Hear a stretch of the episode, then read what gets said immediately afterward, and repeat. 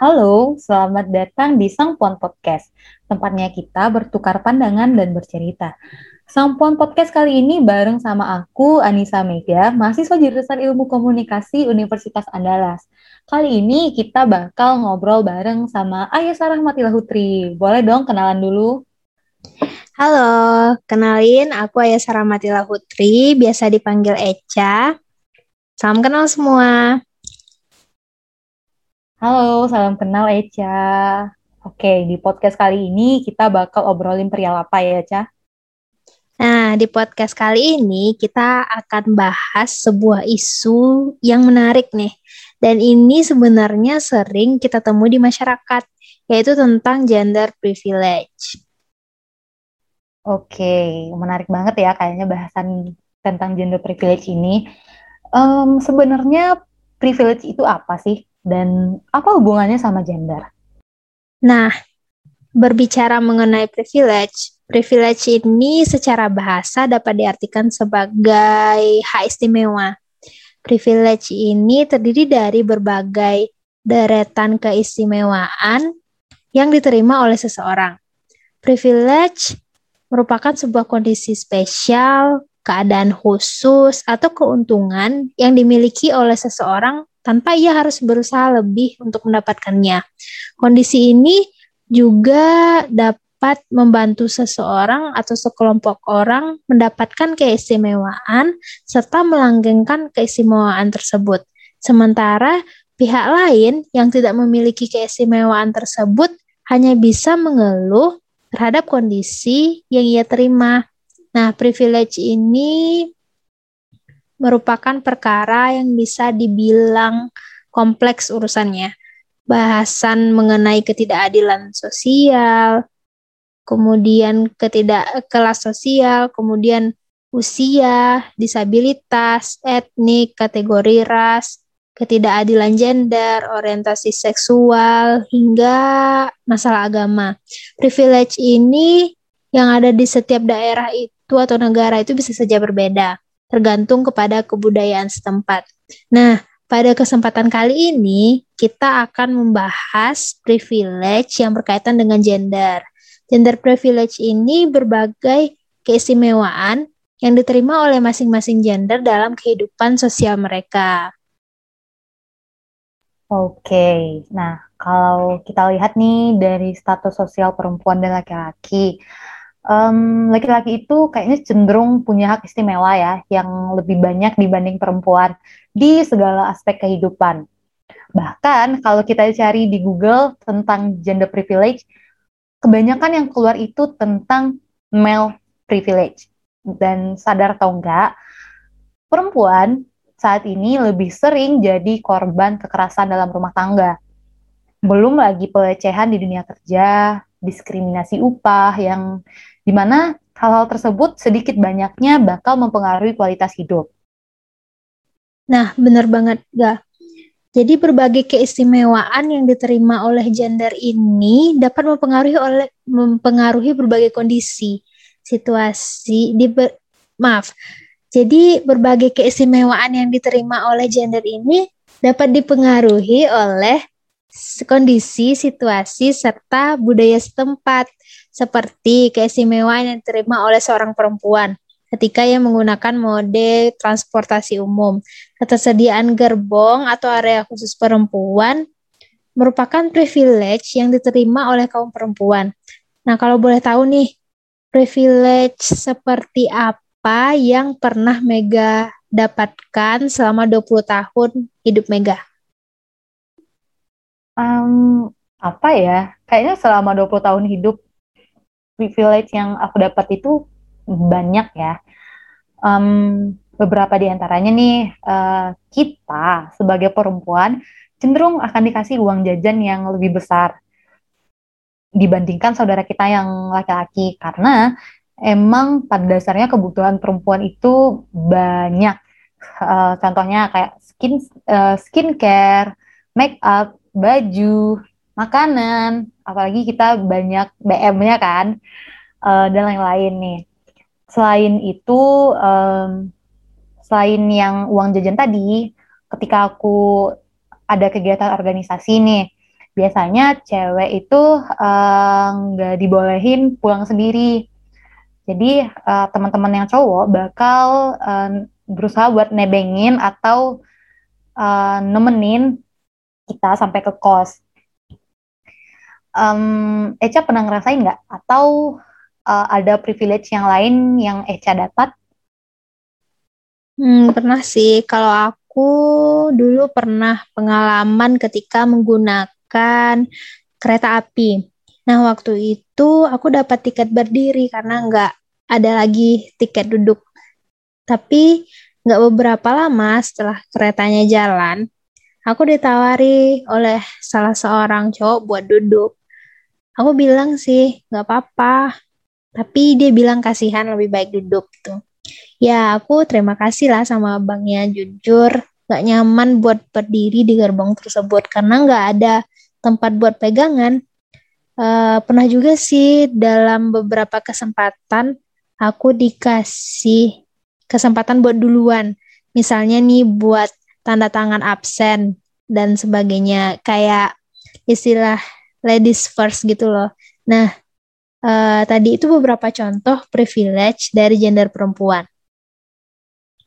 Um, aku mau nambahin sedikit sih tentang privilege gender ini, uh, khususnya di bidang politik kalau dulu perempuan uh, itu nggak punya bukan nggak punya sih kayak tidak memiliki hak dalam urusan uh, dalam urusan politik namun sekarang ini kan karena udah banyak gerakan feminis akhirnya perempuan punya hak dan suara di uh, bidang politik um, kayak sekarang ini udah banyak perempuan yang terjun di dunia politik kita bisa lihat sendiri di masyarakat tapi rasanya masih banyak politisi perempuan yang masih belum paham mengenai konteks gender ini. Padahal kayak padahal ya kalau menurut aku politisi perempuan ini fungsinya ya, fungsinya itu membawa perubahan pada isu-isu perempuan. Dan, dan menurut aku sebenarnya yang lebih penting itu bukan berapa jumlah politisi perempuan yang ada, namun yang paling penting itu bagaimana kualitas dari politisi perempuan ini kadang uh, karena soalnya kita bisa lihat banyak banget caleg-caleg perempuan yang cuma jual tampang, mohon maaf. Dan tujuan salah satu tujuannya jadi caleg itu ya buat naikin popularitas. Contohnya kayak artis-artis gitu kan. Ya banyak. Nah, benar setuju sama Mega. Apalagi waktu RUU PKS kemarin. Yang jelas-jelas itu bisa membantu korban-korban kekerasan yang mayoritas perempuan. Tapi politisi perempuan kita ke mana gitu Sampai sekarang kok RUU PKS tersebut masih belum disahkan. Kalau privilege gender yang diterima laki-laki nih, kira-kira apa saja sih, Ga? Um, sebenarnya ya, kalau kita bahas tentang privilege laki-laki, uh, ketika seorang seseorang itu udah menyandang status sebagai laki-laki, otomatis uh, orang tersebut punya dan mendapatkan privilege laki-laki dan itu udah melekat dari uh, melekat pada dirinya itu sedari dia lahir. Uh, salah satu contohnya ngerasa nggak sih kalau kelahiran anak cowok itu lebih dinanti bahkan ada beberapa pasangan yang rela berusaha berkali-kali buat dapetin anak cowok Terus um, dan ya apalagi orang-orang kaya yang punya perusahaan gitu. Mereka itu kayak perlu anak cowok buat uh, ngwarisin nama keluarga dan hartanya dan nggak cuma nggak cuma itu sih anak laki-laki itu cenderung lebih diprioritaskan dalam hal pendidikan soalnya uh, keluarga mereka atau orang tua mereka nganggap kalau si cowok ini nantinya bakal jadi um, tulang punggung keluarga. Terus um, Eca pernah dengar nggak sih cerita di, dari teman atau um, baca di internet atau enggak nonton drama gitu, di mana kakak-kakak perempuan eh di mana ada kakak perempuan yang dia ini lagi kuliah lagi kuliah semester akhir gitu. Terus adiknya yang cowok ini juga baru masuk kuliah. Nah, pasti kan nanti orang tuanya bilang ke kakaknya buat cuti dulu deh kuliahnya atau uh, berhenti dulu biar adek bisa uh, nyambung kuliah Soalnya orang tuanya nggak nggak punya biaya buat um, nyekolahin mereka berdua secara langsung, secara bersamaan gitu. Dan selain yang tadi itu, privilege yang kayaknya kentara banget di dunia kerja ya, di itu upah perempuan cenderung lebih rendah daripada upah yang diterima oleh laki-laki. Dan ini, kondisi ini terjadi hampir di seluruh negara di dunia. Perbedaan upah yang mereka dapat uh, itu terjadi pada semua pola upah, mulai dari harian, mingguan, bahkan bulanan. Dan ini terjadi di seluruh sektor pertanian dan sektor manufaktur. Itu sih, Cah, menurut aku. Kalau menurut Eca gimana? Um, kenapa bisa ada privilege laki-laki ini? Nah, kalau menurut aku, privilege yang lekat dengan gender laki-laki ini berhubungan dengan pelanggengan budaya patriarki secara sistematis dan dimulai dari doktrinisasi berbagai hak istimewa bagi setiap laki-laki. Sejak kecil, seorang anak laki-laki itu sering diajarkan tentang penguasaan atas orang lain penaklukan dunia dan seisinya, serta dominasi atas kepemilikan apa pun sebagai bentuk konstruksi dari bawah untuk maskulinitas, hegemoni, berupa keyakinan, mitos, stereotip tentang laki-laki sebagai sumber segala kekuatan. Hmm, ketika kita berbicara tentang gender, maka itu erat nggak sih kaitannya sama konstruk sosial, di mana gender itu telah dibagi-bagi segala bentuk perannya di tengah masyarakat. Jika dulunya laki-laki memiliki peran dalam mencari nafkah untuk mencari nafkah atau sebagai tulang punggung keluarga, maka muncullah privilege laki-laki untuk memiliki pendidikan yang baik serta memiliki pekerjaan seperti yang Mega singgung tadi. Nah, privilege bagi laki-laki ini menurut aku bisa muncul karena kondisi, situasi, serta mulai adanya kesadaran dari masyarakat terhadap hal tertentu. Seperti contohnya nih, cuti melahirkan bagi laki-laki. Di mana uh, itu sekarang itu telah mulai diterapkan di beberapa negara seperti Jepang dan Islandia. Uh, iya sih, kalau yang Islandia aku pernah baca artikelnya di mana pemerintah Islandia itu mengeluarkan kebijakan hak cuti bersama pasca melahirkan. Uh, orang tua Islandia berhak cuti selama 9 bulan untuk merawat buah hati mereka. Dari total hak cuti selama 9 bulan ini, baik uh, ayah dan ibu diperbolehkan libur masing-masing selama tiga bulan. Dan nantinya sisa hak cuti pasca melahirkan mereka yang tersisa tiga bulan lagi itu selanjutnya bisa dibagi berdasarkan kesepakatan pasangan. Dan yang enaknya ya, Ca, selama mereka nggak kerja nih, orang tua mereka, ah, orang tua uh, atau pasangan suami istri itu tetap nerima gaji mereka sebesar 80%. Dan ya pastinya cuti ini nggak bisa dialihkan karena pemerintah uh, Islandia itu ingin uh, orang tua itu menghabiskan waktu dengan anaknya. Tapi Ca, pernah kepikiran nggak sih kalau privilege yang dimiliki oleh gender ini terkesan gak adil gitu karena banyak laki-laki yang uh, akhirnya muncul kecemburuan akan privilege yang dimiliki perempuan. Contohnya nih biasanya kantor-kantor atau perusahaan ngasih uh, perempuan uh, cuti PMS tiap bulannya. Nah dari sini pekerja yang cowok ngiri kayak mereka tuh juga pengen loh cuti tiap bulan, cuman nggak ada alasannya dan juga nggak ada nggak uh, ada apa ya, dan juga nggak bisa pakai alasan PMS itu. Bener gak? Bener, bener juga. Uh, memang banyak kita temukan munculnya kasus kecemburuan yang timbul karena adanya privilege masing-masing gender ini. Privilege yang diterima oleh perempuan saat ini, menurut menurutku uh, itu merupakan buah dari perjuangan kaum feminisme yang menyuarakan kesetaraan serta membela hak-hak perempuan. Kaum perempuan yang dulunya nih tersubordinasikan sehingga muncul gerakan feminis untuk membela hak yang juga berangsur munculnya kesadaran tentang hak perempuan yang sesuai dengan kondisi serta situasi yang sering dialami oleh perempuan itu, seperti kekerasan seksual, kejahatan di tempat umum, kondisi hakikat manusia yang seperti hamil, melahirkan, menstruasi, serta hal-hal lainnya yang hal-hal tersebut membutuhkan perhatian khusus.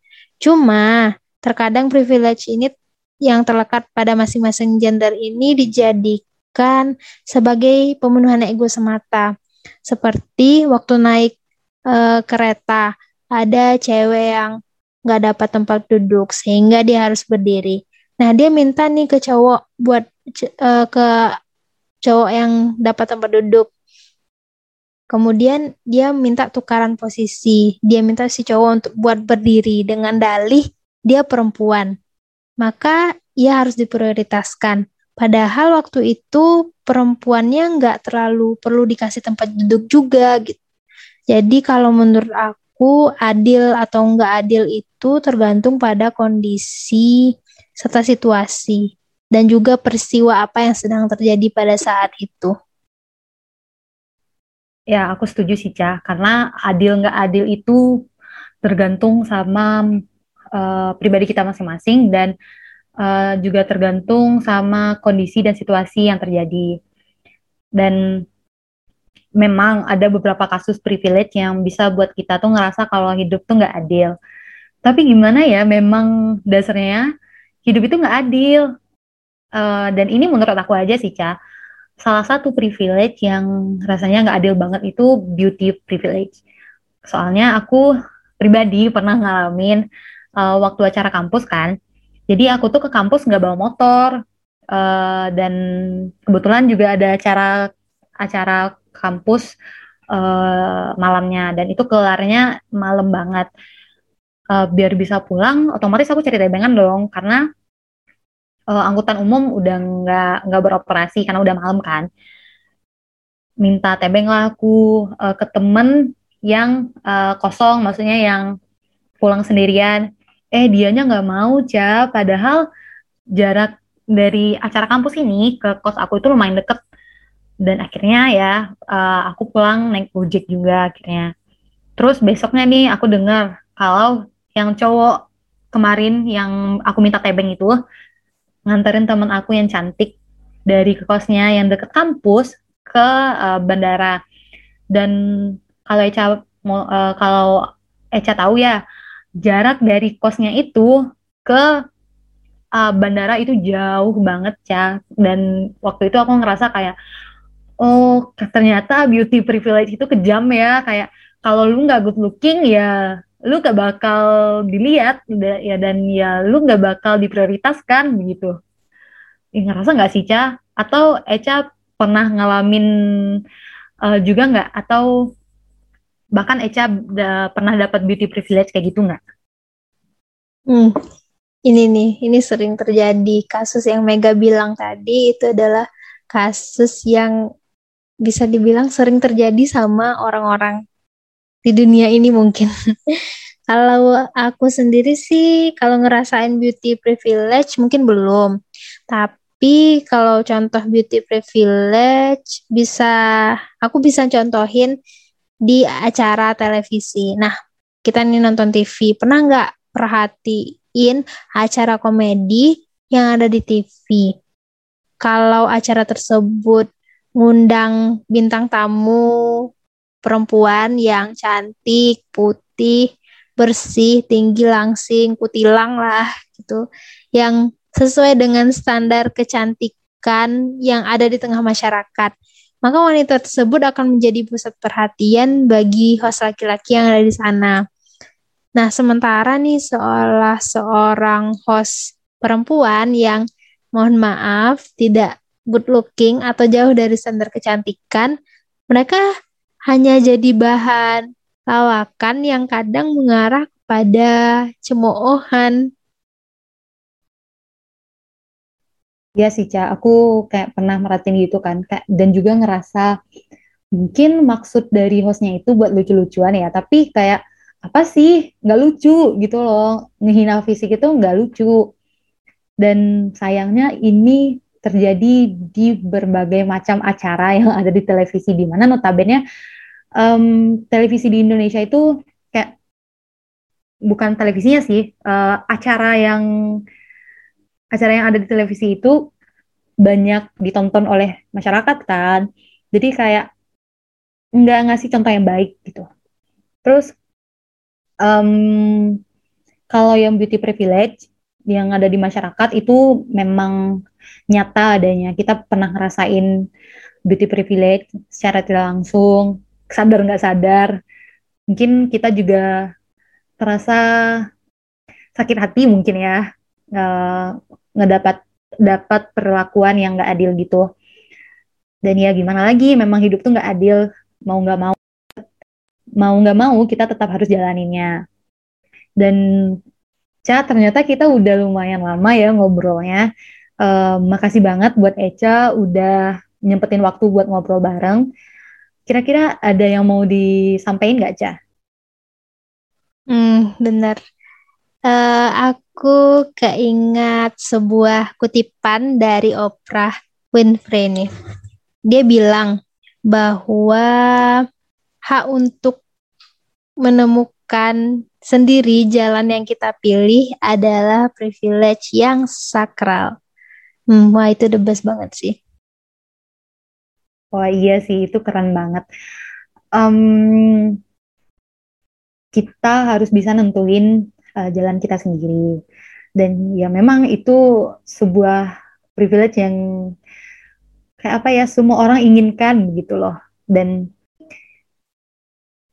uh, jujur obrolan kita kali ini seru banget dan aku rasa puan-puan yang ada di sana juga ngerasain kalau obrolan ini seru. Terima kasih udah denger Sang Puan Podcast dari awal sampai akhir dan semoga kita uh, bisa jadi apa ya? Semoga kita bisa beri uh, beri manfaat buat kalian yang udah mau dengerin dan keep stay tune and see you later. Terima kasih. Terima kasih.